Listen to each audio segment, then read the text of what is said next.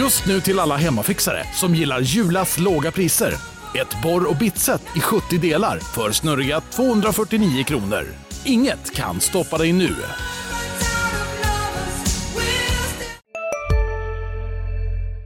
Välkommen till Sportklubben, jag heter Jakob Sjölin. Idag så har vi med oss en ny gäst i det här elfte avsnittet eh, och ingen mindre än eh, Mikael Samuelsson, sportchef i SSK. Han har ju suttit på posten i eh, ungefär ett år nu. Det var runt nyår som han blev utsedd till eh, ny sportchef i klubben. Och eh, vi kommer prata om det året, vi kommer prata om eh, säsongstarten och spelet, vad han gillar och vad han inte gillar. Också om eh, hans NHL-karriär och eh, hur man egentligen bygger en vinnande kultur. Det och mycket annat, det kommer här, så god lyssning.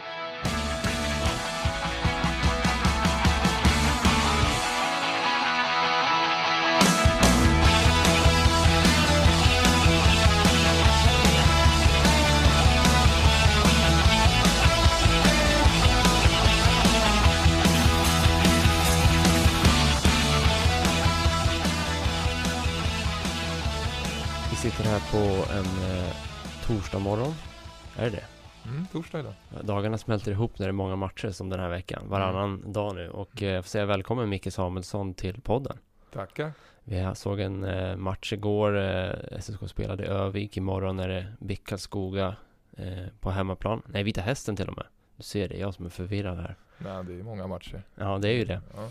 Vad tycker du om säsongstarten så här långt?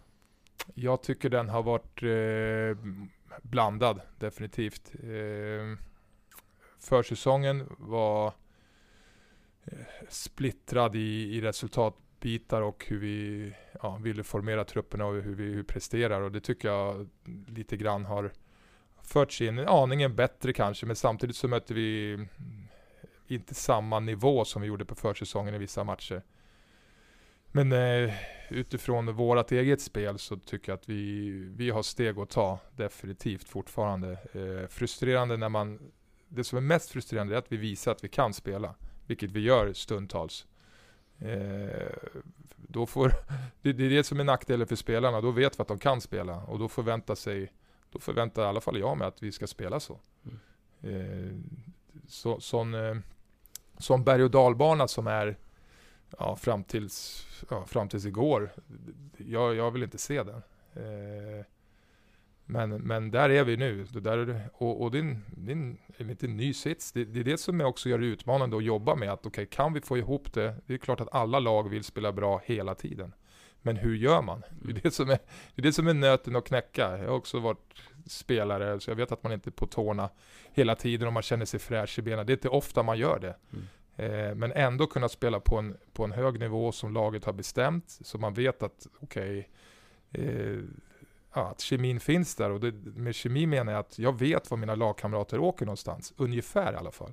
Så man inte börjar sväva ut på egna saker. Och där, än en gång, där är vi stundtals, men inte hela tiden. Så det, det, det är frustrerande, men utmanande. Vad tror du är nyckeln för att hitta eh, en jämnare nivå. Du, har du varit där själv som spelare i lag som har haft höga toppar men inte kunnat spela liksom konsekvent? Ja, precis. Jag tror att du börjar med ödmjukhet och ödmjukhet inför att det är inga lätta matcher, att alla lag såklart krigar för sitt.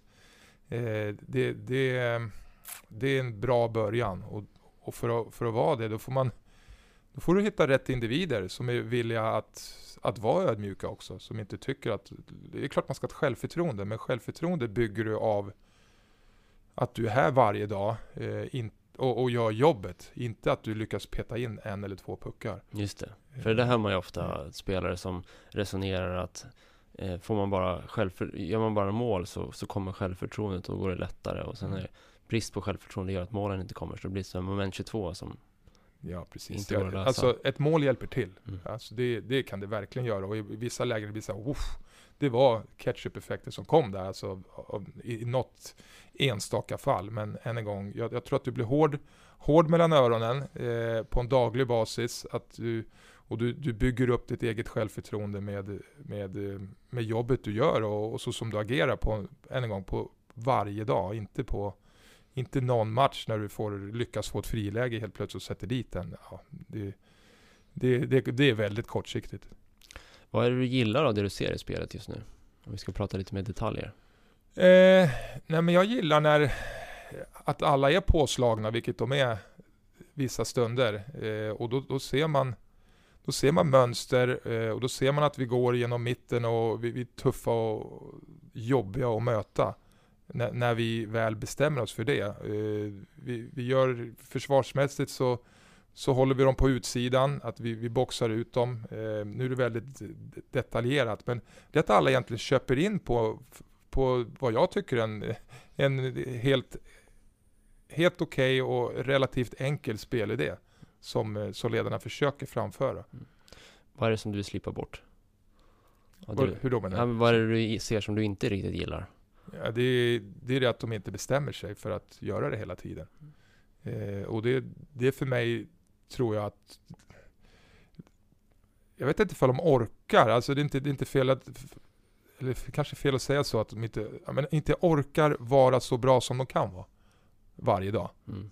Det, det, är just det varje dag som man gärna vill trycka på lite extra. Ehm, och, och det, det, det, det, är jobbigt. Och det är att vara proffs. För det här är ju det de gör. De har ju, i alla fall i A-laget, det är ingen som, som gör någonting annat egentligen. Eh, och, och, när, man, när man har det, då tycker jag att man kan kräva vissa saker också, det ska kräva. Jag vet inte ifall det är satt förut eller någonting, men, och det spelar ingen roll, utan eh, det, det, är så det är just nu. Eh, men, men, ibland så känns det som att folk tycker att det är okej okay att vara, ja, vara bara okej. Okay. Mm. Det där är ju, låter lite som den här kravbilden du har pratat om eh, sen du tillträdde. Eh, det kan också handla om vilken kultur man bygger i, i en klubb. Eh, vad skulle du säga är, eh, man pratar ofta om det, vinnande kultur. Hur definierar du det efter, mm. efter karriären som du har haft? Bra fråga. Eh, vinnande kultur är när du får ett gäng killar, om det är åtta, tio stycken, som, som vet vad som krävs, eh, som drar åt, drar åt det hållet att bli, vara jobbiga att möta, på riktigt jobbiga att möta. Som inte tummar på de reglerna. Det, som inte tummar på de reglerna. Det behöver inte vara de som är mest framgångsrika i ett lag, eh, eller, eller ligger i toppen poängliga. Eh, när, när, du, när du sätter det fundamentet, alla som kommer in efter det, de vet, de kan anpassa sig att det är den här vägen vi gör i Södertälje Sportklubb. Det tror jag är jätteviktigt. Så man behöver en kritisk massa för att gruppen ska följa då? Alltså. Ja, precis. Precis, och, och, först, först blir du, du måste inte vara en ledare för att göra det. Du, du blir automatiskt ledare. Först tror jag att du blir en bra följare. Och en bra följare, det är när du gör rätt saker. Eh, än en gång, du behöver inte vara i poängliga toppen, du behöver inte spela alla powerplay eller liksom vara framgångsrik så, utan du, du gör rätt saker. Eh, och sen, sen helt plötsligt när du varit en bra följare, eh, det är inte så att du måste ställa dig upp i ett omklädningsrum och säga, säga massa saker heller, du kan vara ganska tyst, men ditt beteende är det rätta. Eh, helt plötsligt så har du blivit en bra ledare. Helt plötsligt så får du ett A på bröstet och sen vips så, så eventuellt har du ett C på bröstet. Det är, det, det är dit vi vill. Eh, så där är vi inte än eh, med de eh, med det vi har, det vi har sett nu. Vi, vi har bra individer i laget. Eh, men den kombinationen av att eh, orka och vilja vara en bra följare på en daglig basis. Det, den, tog, den tar längre tid än vad jag trodde den skulle ta. Mm. Hur, hur, bygger man en sån över tid då? Hur, hur kommer man dit? Jag tror att man eh, behåller killar här. Jag tror inte på att byta ut eh, 10 till 15 spelare varje år. Utan du, du, får behålla killar som, som är väldigt nöjda och glada och, och tycker att det är en ära att spela här. Eh, och sen så får du ju, ja, sen är det mitt jobb att försöka hitta de individerna. Mm. Eh, men när de väl är här, också en miljö från ledare och runt om klubben som att okej, okay, det, det, är den här vägen som krävs. Hur löser man det dilemmat då som Hockeyallsvensk klubb när många spelare egentligen vill högre upp av naturliga skäl. Mm. De som, jag tror att det går att lösa. Eller jag, jag ser att det går att lösa. Vissa lag har så. Eh, de, som, de som försvinner, eh, det är ju de som leder poängligor mm. oftast. Det, det är inte de här spelarna jag pratar om. Mm. Ja, Alla tittar på poäng och alla tittar framåt och offensivt också, eller väldigt, väldigt defensivt. Det kan hända i något enstaka fall. Mm. Men då förhoppningsvis så trivs de så bra så att de stannar ändå. Mm. Eh, det är, mitt, det är mitt, min önske, mitt önskescenario. Men ja, jag är inte rädd för att det inte ska gå att skapa bara för att du är en allsvensk klubb. Samtidigt så underlättar det väl ganska mycket när det gäller till att bygga kultur om de bästa spelarna visar vägen med exempel. Det är ju många som nämner till exempel eh, Crosbys arbetsetik i, i Pittsburgh och att ja. då finns det ingen som kan gömma sig när, när han är den som jobbar hårdast. Nej, precis. Alltså är du en bra ledare du kan inte stå i ett omklädningsrum och säga rätt saker, sen gå ut och agera. Då, då blir det ju nästan, alltså det blir inte alls trovärdigt. Det blir nästan pinsamt om man öppnar munnen då. Mm. För, att få, för att kunna öppna munnen i ett omklädningsrum, då, då, bör du, då bör du göra rätt saker på isen. Och det är det som är de stora ledarna. De stora ledarna är ju oftast inte de som, eller oftast, nu, nu som du tog det exemplet, Crosby, ja han är uppe i poängligan definitivt. Han har ju talang, men det hans största talang det är ju att han är där och sätter en kravbild på folk och, eh, och, och gör det som krävs. Det är, det är ingen som vågar göra någonting annat. Vilken klubb som du var i som spelare hade den mest utpräglade vinnarkulturen? Detroit Red ja, Wings. Man, ja. man kunde nästan ana det. Ja. Vad var det som utmärkte den? Ja men det var just det att eh, från dag ett när jag satte mig fot där. Eh, jag började linda klubbor. Jag, hade, alltså, jag tycker att jag hela tiden har legat i och försökt eh, mitt bästa så. Men när jag kom dit så, så blev det en helt... Eh, det blev en annan nivå på det. Eh, jag kunde stå och linda klubbor eh, då i, i själva kärnan i omklädningsrummet. Men jag var nästan ensam där. Och det var en, ja, 50 minuter, en timme innan match. Jag tänkte okej, okay, vart är alla? Ja, de är inte här. Så ja, när jag var klar med mina klubbor gick jag och kollade vart de var. Vart var de? De var i fysrummet. Alltså sådana såna saker sätter sin prägel. Alltså du kan inte stå där då själv ny, komma in och inte gå in i fysrummet. Och, och där händer det ju bra saker om man är, om man är där hela tiden. Så. Hur byggde man upp den? Vad fick du för känsla av hur man liksom skapade den kulturen? Det är något som sker över tid förstås. Ja, något som sker över tid. Eh, spelarna hade varit där länge, de som skapade det. Det var ja, utan att nämna några namn, det var, det var ett bra gäng. Det var många som, som köpte in på den idén. Och det är mycket lättare när de ser att de hade redan varit framgångsrika när jag, när jag kom dit också. Och så fortsatte vi vara det.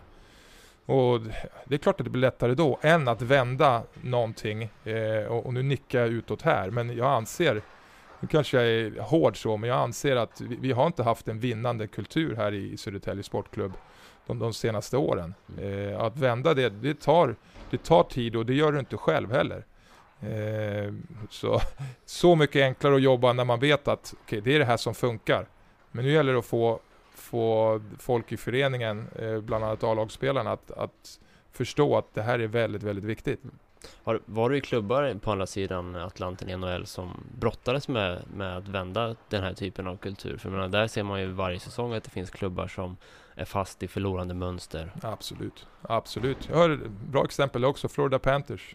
Kanonställe att bo på. Eh, jag var där i två vändor. Första gången jag var där var jag inte alls redo för eh, vad som komma skall. Liksom. Shorts och t-shirt och stranden. Sen skulle jag in i ishall. Så det, liksom, shorts och t-shirt för mig, det var semester. Och sen skulle jag in, så jag var inte riktigt redo för det. Eh, men nu vart det lite sidospår. jag skulle komma till med, med organisationen där, det var att de bytte spelare väldigt, väldigt ofta. De vågade inte lita på de bra killarna de hade, för det är såklart att det är bra killar eh, och bra spelare som går igenom Florida Panthers också. Men de, de hade inte tålamod, de tradade bort dem eh, och, och, bytte väldigt stora och många delar i stort sett varje år. Det fanns liksom inget fundament att, att bygga vidare på. Eh, även fast det var ett okej okay lag, men det okejet räckte tydligen inte, utan de ville ha in någon, eh, eventuellt någon liten halvstjärna, alltså, men, men det bygger ju inte lag och det bygger inte en vinnande kultur över tid. Tror du att det är vanligt så att man försöker att eh, värva sig till framgång, liksom att, att det är nya, nya spelare som ska lösa problemen? Ja, jag tror att det är vanligt. Eh, jag tror att det är vanligt om du inte vet vad, vad det är som är viktigt att vinna. Och alla har ju sin, sin idé vad de tror på.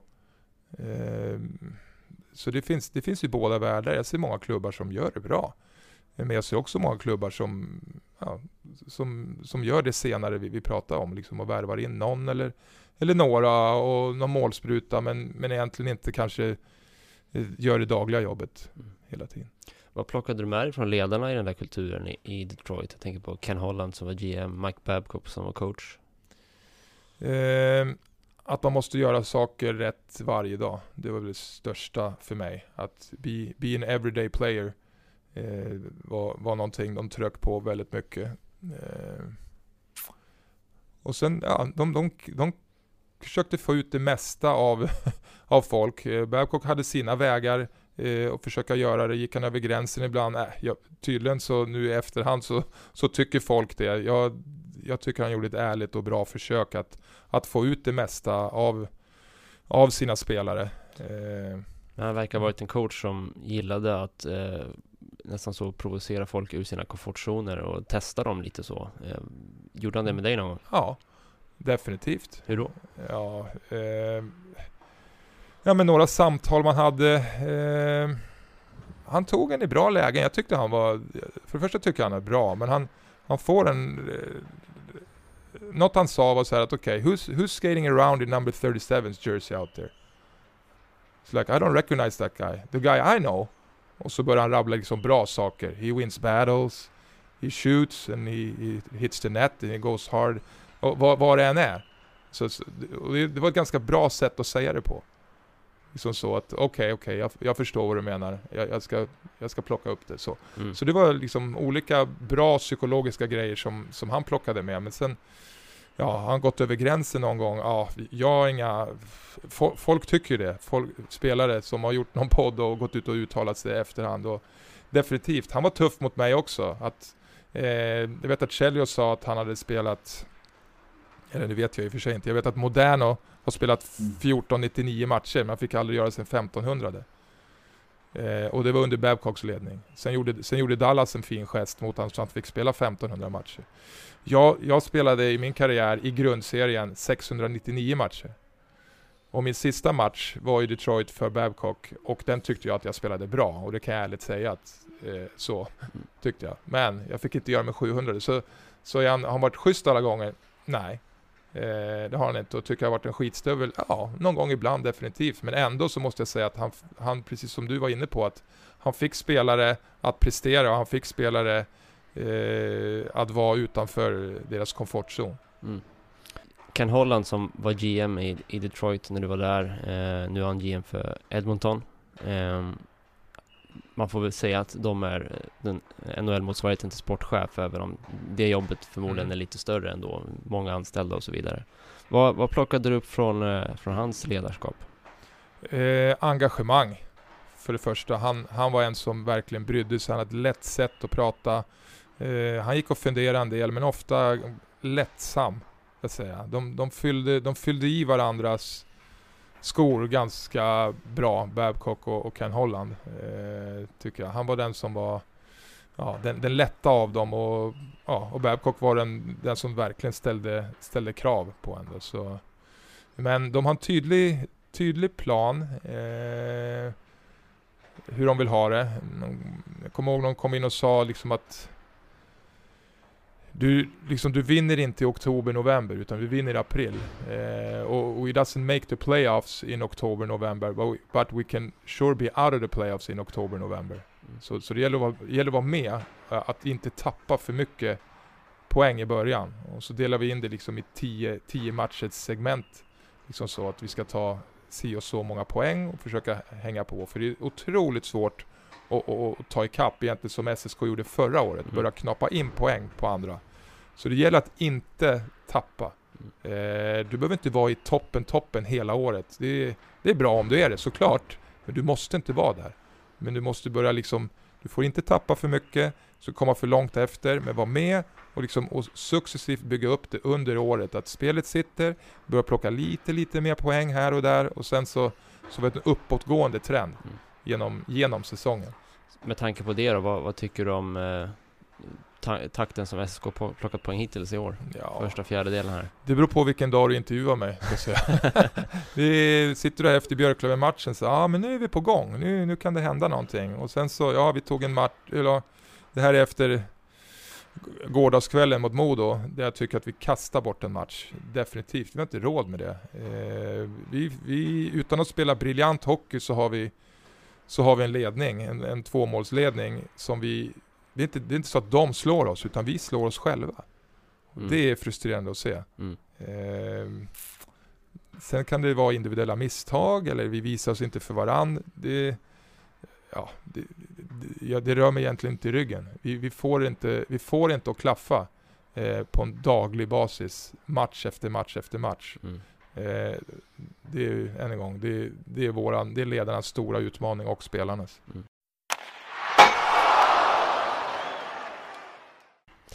Du har ju varit sportchef i nästan ett år nu. Mm. Eh, kan man säga, även om det var lite diffus när du började egentligen. Du blev utsedd runt nyår och sen så tillträdde du till 100% i maj. Eh, men du har jobbat ungefär ett år och sen var du sportligt ansvarig innan. Hur har din ledarstil förändrats under tiden? Oh.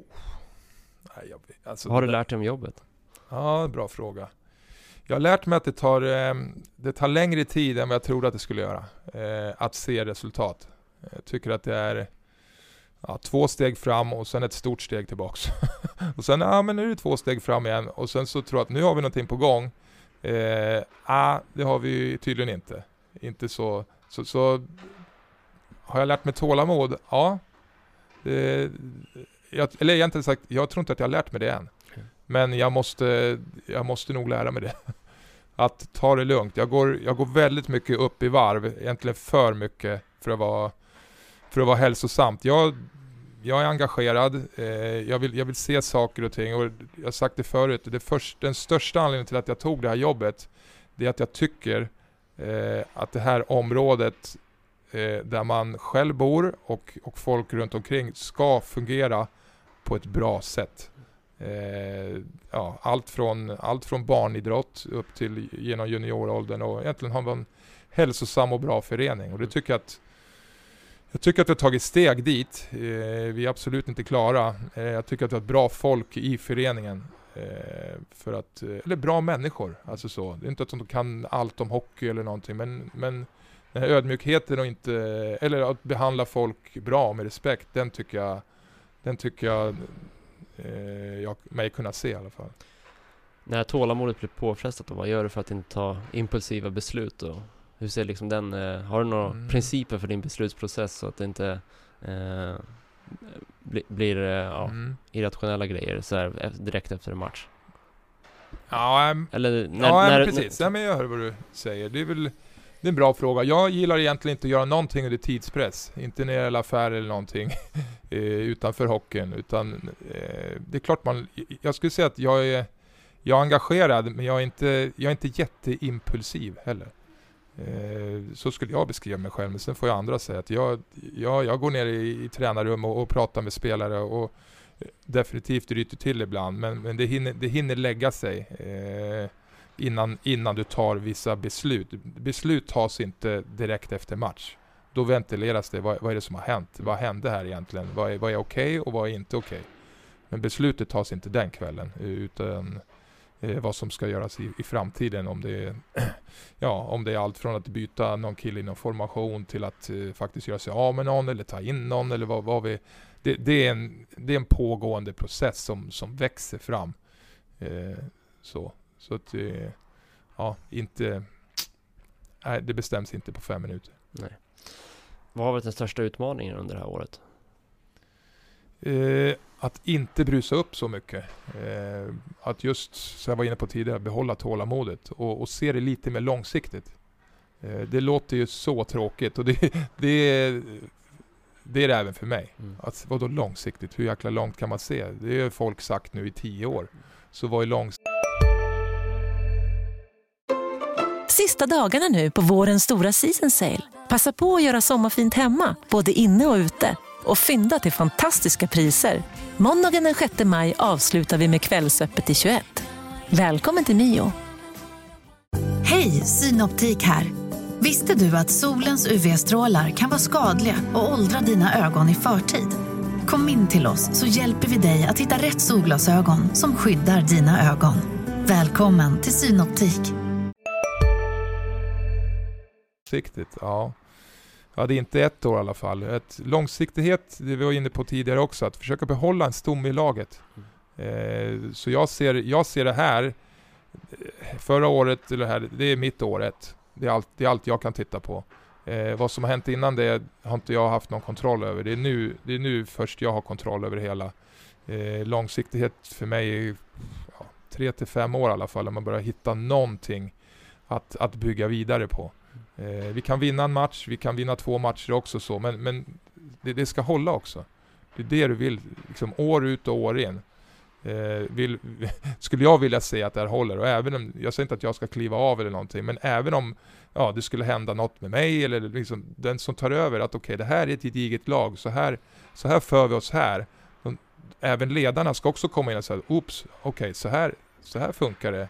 Så här funkar det här. Mm. Det är inte så att ledarna, oj, ledarna som kommer in ska sätta sin prägel på det. Jo, till viss del.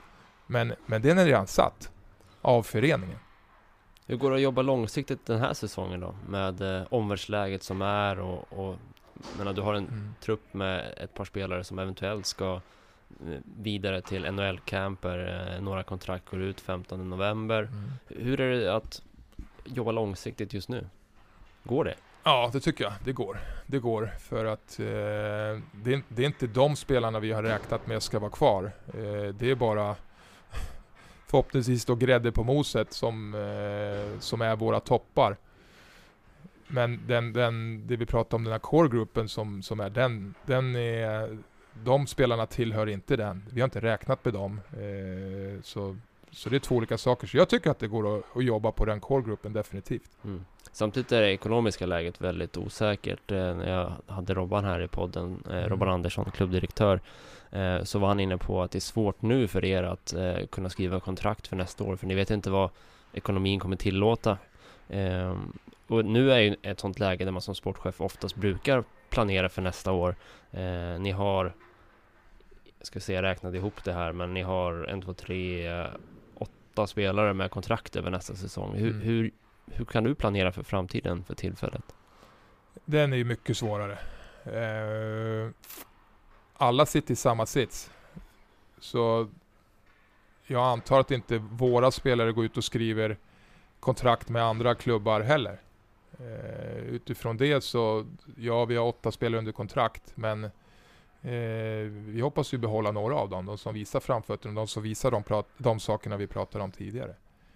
Eh, men ja, visst. Vi, det här det, det, är ingen som varit med om, varken eh, Robban, jag eller någon annan, det, det här som händer nu. Eh, du kan ha en liten miniplan, men kommer den, kommer den bli av? Det vet vi inte. Eh, vi får ta det lite som det kommer. Tror du att du kommer kunna förhandla några nya kontrakt eh, under säsongen? Med de ni spelare ni redan har, eller är det helt ja. uteslutet? Det är fortfarande, eller fortfarande, det är november nu. Eh, runt februari-mars förhoppningsvis så vet vi mer vart det här tar vägen för det blir någon säsong nästa år. Vilket vi innerligt hoppas självklart. Mm. Eh, att det blir, jo men det, det, Ja, kanske inte ett av de större kontrakten. Nej. Så kan man väl säga. Eh, men vi måste ju fortfarande ha ett lag. Mm. Så det, det är, ja, någon gång måste det göras. Men hur tror du att det kommer bli liksom? Eh, Robban pratar om att han tror att eh, lönemarknaden kommer pressas ner. Många klubbar kommer dra på sig skulder och behöva liksom gå igenom eh, stålbad. Hur kommer det påverka spelarna på marknaden? Kommer man fortsätta betala de bästa spelarna som man har gjort? Eller kommer, alltså vilka kommer behöva ta smällen om, om lönerna går ner tror du? Mm. Ja, jag jämför lite med NHL. Det är mittenskiktet som tar smällen. Mm. Är det. Alltså stjärnorna kommer alltid få betalt. Ehm, och eh, ja, sen har du minimumlön i stort sett som, ja, som du måste egentligen tjäna för att gå runt. Ehm, men, men därmed sagt att sen får du välja själv hur du vill bygga laget. Då. Vill du bygga med då stjärnor? Har du råd överhuvudtaget att bygga med stjärnor? Ehm, jag tror att man kan vara framgångsrik utan stjärnor. Jag tror verkligen det. Ehm, självklart så måste du ha några med talang och så. Men du måste framförallt ha hungriga spelare. Det, det, tror, jag, det tror jag mer på än att, eh, Att, ja, stjärn, jag vet inte, stjärnor, det är klart alla är stjärnor i, sina serier, stjärnor i Allsvenskan, men Men det är väl det att kvalitet kostar lite mera eh, oftast. Eh, och samtidigt vill du spela en kreativ hockey med, med offensiv och puckkontroll och så. Det kräver en del skills och det är väl det som kostar pengar också ibland. Ja, det gör det. Det gör det. Och det, det som blir svårigheten i det här, det är att, att gå ner i lön för spelarna. Den är, det är en otroligt svår nöt att knäcka. Alltså, och just för självkänslan också. För då, nu kanske det är speciellt, nu kanske spelarna och agenterna förstår att det finns liksom inte någon. Men det är alltid någon klubb som ändå lyckas liksom trycka upp det och pressa upp det. Eh, Var det, det, var det det vi fick se i år när det, alltså någonstans så tyckte jag det såg ut som att AIK fick in pengar, började värva och sen var det många sportchefer som också Mm. eh, värvade rätt tunga namn. Eh, kände du, Ja. Kunde du känna av den, den eh, kapprustningen? Ja, det kunde jag. Det kunde jag. Jag vill inte säga någon namn vilka som startade där och så, men definitivt. Alltså, eh, jag fick samtal till mig. Det är den här nivån, eller så, eller så tittar vi på någonting annat. Så klart jag kunde känna av den. Eh, samtidigt så vet jag inte egentligen vad, vad de hade lagt för nivå om, det, om inte någon hade börjat. Så det är, det är egentligen hypotetiska frågor. Utan, eh, ja, det, det är det som kallas förhandling. hur, hur, tuff, hur tuff vågar man vara på agenter och spelare på sin kant och, och, och föreningen på sin kant. Mm. Förra säsongen så eh, gjorde du en hel del förändringar under, under säsong och fick effekt på det. Du pratade om den här eh, otroliga upphämtningen som, som klubben gjorde. Eh, vilket handlingsutrymme har du nu den här säsongen med tanke på det ekonomiska läget? Du ville ju länge hålla en dörr öppen för att se vad som skulle hända med AL och NHL och Mm. spelarmarknaden. Nu verkar det som att AL inte kommer igång förrän i februari. NHL har satt starten till första januari men det verkar inte skrivet i sten. Eh, vad har du för handlingsutrymme just nu? Ja, inte alls lika mycket. Eh, men det vi gjorde förra året, det var inte så att vi drog på oss så mycket mer kostnader. Utan vi liksom lyckades vända spelare mot, mot en annan spelare. Eh, om, man, om man lyckas göra det i år igen. Jag vet inte om vi hade ett bra år och lyckades göra så hela tiden. Men folk är ju mera, eller klubbar är ju mer eh, reserverade för de bitarna också. Utan då blir det nog mera byte av spelare. Okej, ja. Ja, alltså nu är bara, nu, jag vet inte ifall det är så, men det, jag skulle kunna tänka mig det. det, det folk vill inte dra på sig dra på sig några kostnader nu. Och, och så är det för oss också. Så handlingsutrymmet är ja, mindre nu än vad, än vad det var förra året. Förra året eh, gjorde det lite enklare så att jag var inte tvungen, eller vi var inte tvungna att, det, det bara blev väldigt bra i att vända en spelare och vända kostnader. Men du, du hade ändå ett utrymme som jag kände liksom att okej, eh, som gjorde det lättare att förhandla. Jag kunde vara lite hårdare i vissa förhandlingar eh, mot, mot vad det är nu. Så, så måste vi sätta en deal, då blir det svårare att förhandla Mm. än att ha lite mera fria tyglar och eh, ja, lite mer spelrum så att säga. Men ja, det, det är skillnad från i år och förra året, definitivt på ekonomin. Skulle du vilja ha trades i Hockeyallsvenskan? Ja, alltså jag är inte emot det. Jag har kanske levt i den världen någonting. Det, jag, ser inga, jag ser inga stora nackdelar med det. Blev du tradad någon gång under karriären? Ja, vart jag. Hur var det? Vart jag. Nå, det var... Vissa gånger tyckte jag om det, vissa gånger tyckte jag inte om det. Det är inte så att jag blivit tradad massor med gånger, men jag, jag kommer ihåg båda delarna. Eh, när man trivs i en klubb, såklart, då vill du inte bli tradad därifrån. Och likaså så jag vantrivdes i en klubb, eller vantrivdes är ett tufft ord, men jag kunde trivas bättre i alla fall. Och sen så tradade de så då. Tjänar spelarna tillräckligt då för att det ska vara rimligt med, med bytesaffärer i, i Hockeyallsvenskan? Ja, alltså För det är ju ändå ganska uppslitande för familj och sådär. Snabbt byta ort och så vidare.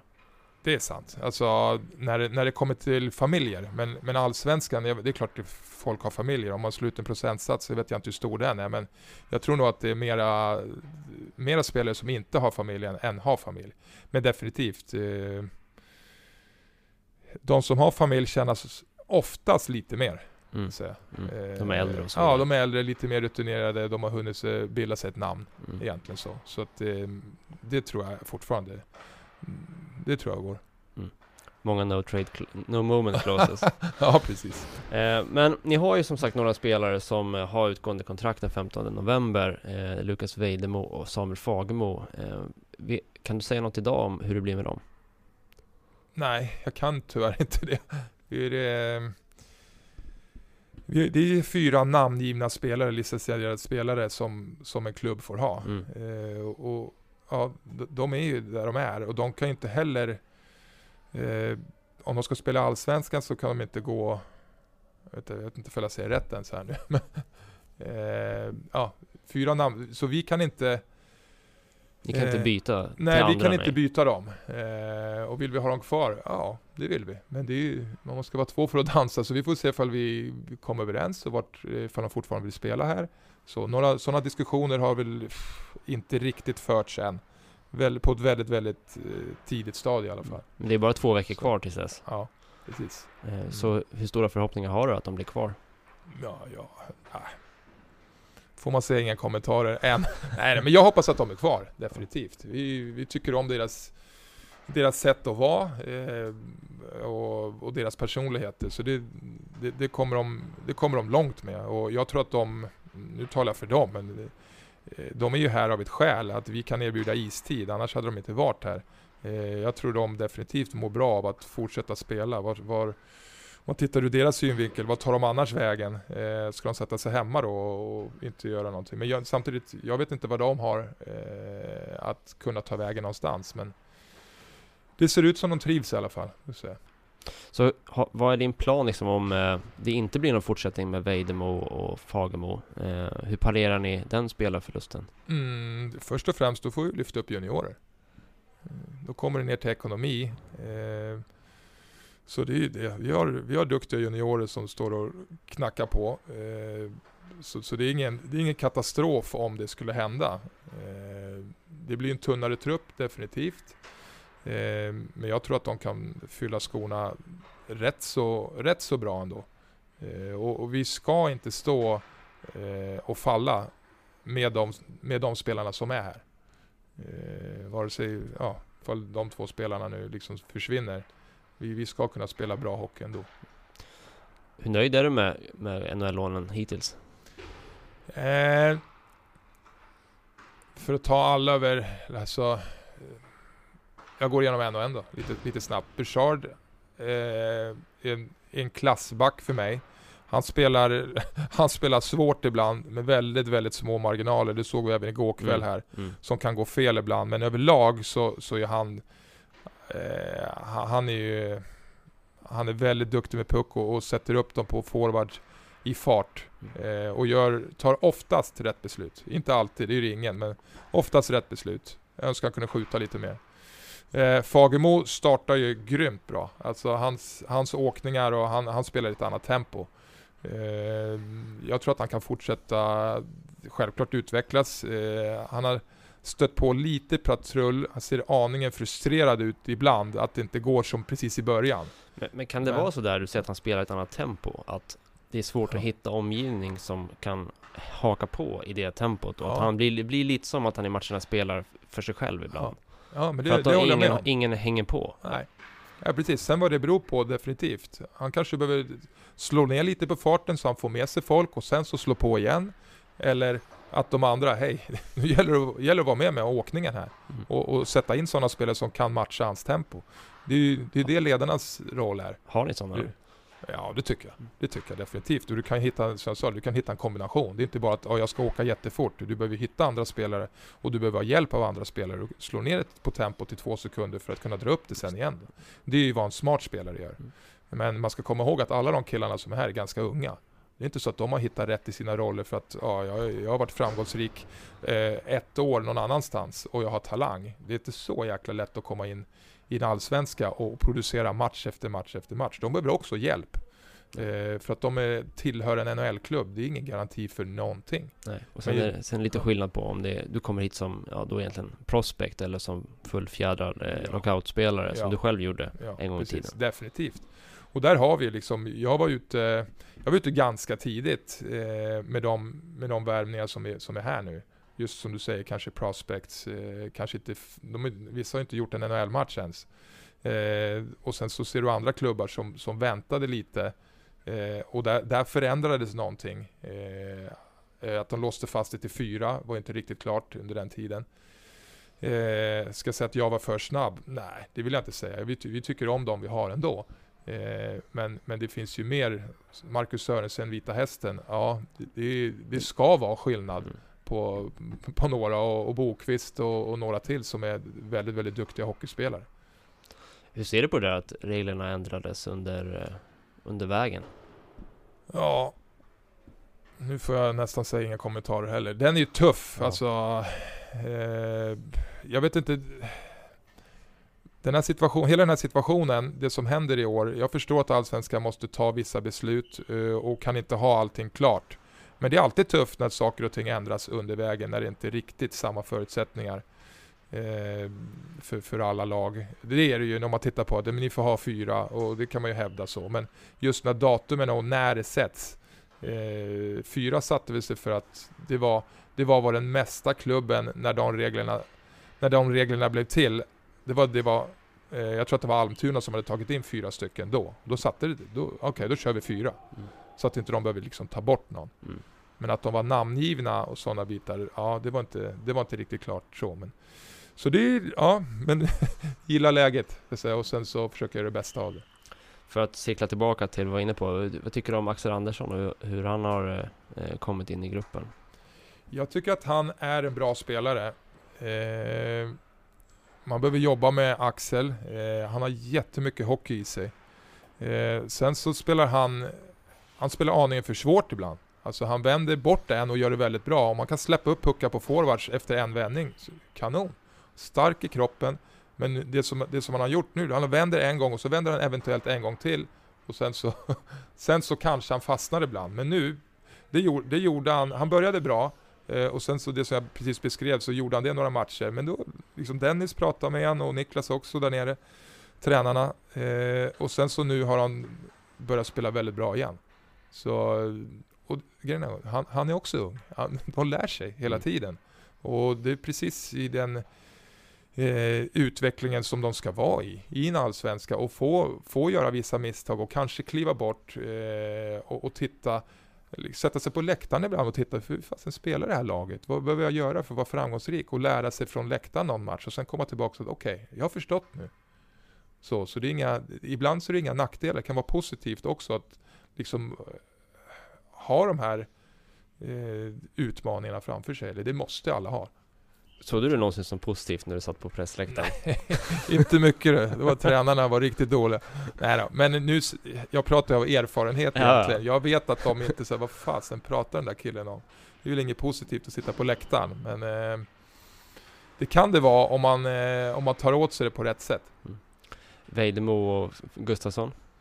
Gustafsson eh, har kommit in och spelat väldigt bra. Han var, ja, det syntes att han inte hade varit på is precis när han kom, kom hit eh, och var här eh, tio dagar innan han fick spela sin första match. Men han, han växer för varje match tycker jag. Han, han ger ett lugn längst bak. Eh, Vejdemo började lite avvaktande eh, och lite, lite försiktigt. Han börjar komma igång och nu tyvärr så åkte han på en smäll där då. Men ja, det, ja, det är som det är. Upp med huvudet ibland, lite sig själv och skylla också. Eh, utan att vara tuff så liksom, lyft upp huvudet annars så smäller det. Det var en bra tackling. Du kände igen den där typen av tacklingar från Detroit också? Ja, precis. Jo, definitivt. Jag såg dem. Jag, jag såg dem från nära håll. Eh, Kronwall gjorde det riktigt bra, definitivt. Och det gjorde, jag, jag kan inte namnet på... Hardegård? Va? Hardegård? Ja, han gjorde det bra också. Eh, sen att det är checking to the head. Ja, men, men eh, den, som, den som tar emot smällar har ett stort ansvar där också. Eh, det är inte bara den som delar ut, utan han, han än en gång, jag såg inget direkt fel i, i den tacklingen. Nej, det kan jag säga. Det tyckte inte jag heller egentligen. Det var Nej. otur att han blev skadad. Ja, absolut. Det är, det är en annan femma. Det är klart du, du inte vill se Weider skadad, definitivt inte. Men ja, han, han är bra. Han, han kommer mer och mer och jag, jag, tror, jag tror starkt på honom. Förra säsongen så var SHL-lån ett eh, framgångsrecept för er. Ehm, Det är en, en eh, väg som ni inte har utnyttjat än. Är, är det något du tittar på? Ja, vi tittar på det, men det, det finns inte eh, alls lika stort utrymme för det. Det är någon, jag tror att det är Karlskoga som tog in någon, någon right forward där. Eh, sådär. Men det, det, de har ju också värvningsstopp i SHL. Mm. Så de, de värnar om sitt. Mm. Eh, De har inte heller lika mycket spelare att kunna låna ut. Mm. Och på vilka premisser är det då? Ja, men du kan låna i två veckor, så är han borta igen. Okej, då ödslar du ett lån. Mm. Du, har, du, har, du har två lån att, att nyttja. Så det, allting ska klaffa. Eh, och det var, en gång, det, var, det är inte lika mycket att, att välja ifrån i år. Och det finns inte lika mycket situationer att eh, ta hänsyn till där. Men vi, vi kollar på över det också. Mm. Nu eh, för att avrunda så går vi in i, i, en ganska intensiv matchperiod. Eh, sen vet vi att vi har julperioden runt hörnet och också är mycket matcher. Eh, vad förväntar du dig av den kommande fjärdedelen av, av serien och, och, vad tror du att eh, ditt SSK står eh, när vi har spelat halva? Eh, jag tror att vi står, eh, eller tror, jag hoppas, tror en annan sak. Jag hoppas att vi är ett, ett lag som vi var inne på tidigare att vi kan spela mer kontinuerlig hockey. Eh, att vi, vi gör ungefär vad vi ska i varje match. Så att vi drar ännu mera som ett lag. Inte bara ibland. Eh, det, det, är vad jag hoppas på och såklart tror på också att det, det, ska, det ska kunna gå att göra så. Vad allsvenskan är, eh, jag hoppas att eh, vi får se fortfarande underhållande matcher. I, jag tycker att jag tycker att det finns bra lag i, i Allsvenskan såklart, men Timrå och Björklöven står definitivt ut för mig. Eh, i, i, på sättet de uppträder, i deras, i, i deras lagbyggen, hur de för sig. Eh, det blir inte, något av de lagen blir inte lätta att slå i en slutspelsserie. Nej, över sju matcher då Nej, också. över sju matcher, precis. Eh, de, har, ja, de, de är gedigna båda de lagen. De spelar lite annorlunda. Jag tycker att Timrå, ger du dem ytor så, så äter de upp en. Eh, jag tycker att Björklöven är lite tuffare. Eh, så. Men det ska bli intressant att se. Det är, det är de två lagen. Sen, sen, är det några mittenlag också. Eller alla krigar på bra. Alla kan slå alla. Det är inget lag som är, ja nu ligger Väsby i botten, men de är också uppe och nosar och faktiskt kan eh, göra det svårt för motståndarna. Eh, så, så, det tycker jag om, att, att det är inte något stryklag alls. Men att du har två lag som är så pass exceptionella ändå, mm. eh, som man får säga att Björklöven och Timrå är just nu. Mm. Formar det ens eh, strategiska tänkande som sportchef någonting? Att ja. man försöker jaga dem lite? Eller matcha, ja, upp, försöker... matcha upp laget och ja. värvningar och så efter vad de har? Ja, det gör det Det gör det definitivt. Eh, jag tycker att det, jag tycker att jag gillar att slå lite underifrån. Eh, eh, jag säga, som du säger, du, du matchar upp laget, du vill möta, det är alltid roligt att möta bättre folk och försöka, försöka slå dem. Det är, det är tuffare att vara favorit och veta att du blir jagad av alla. Bättre att jaga än att bli jagad. Så det är en rolig morot. Mm. Säga, att, att ha framför sig, att försöka, försöka ge dem en match. Mm. Ja, just nu på slutspelsplats SSK och eh, mycket säsong kvar. Vi får se vart eh, det tar vägen. Eh, om, ja, ens om vi egentligen får ett slutspel i vår, det är ju inget som vi kan ta för givet tyvärr längre som det är just nu. Men eh, vi har inte pratat så mycket om det och vi ska eh, kanske få återkomma till pandemin senare. Eh, jag får tacka så mycket för att du eh, tog dig tid att eh, gästa podden. Tack själv Jakob. Och eh, med det så får jag bara påminna att eh, ni kan följa oss på Twitter. Ni kan hitta oss på lt.se eller i appen. Hockeypuls-appen har ni förstås också koll på. Så eh, återkommer vi med fler poddgäster och eh, den vanliga bevakningen. Så tack för att ni har lyssnat och på återhörande.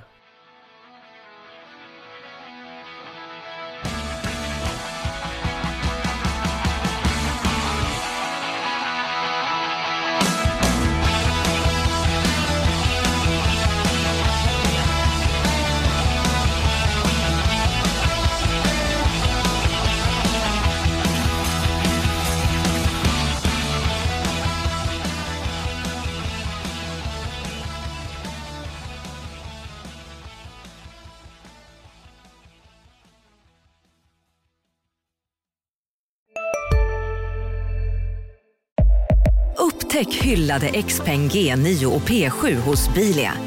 Våra produktspecialister hjälper dig att hitta rätt modell för just dig. Boka din provkörning på bilia.se xpeng redan idag. Välkommen till Bilia, din specialist på XPeng. Ja? Hallå?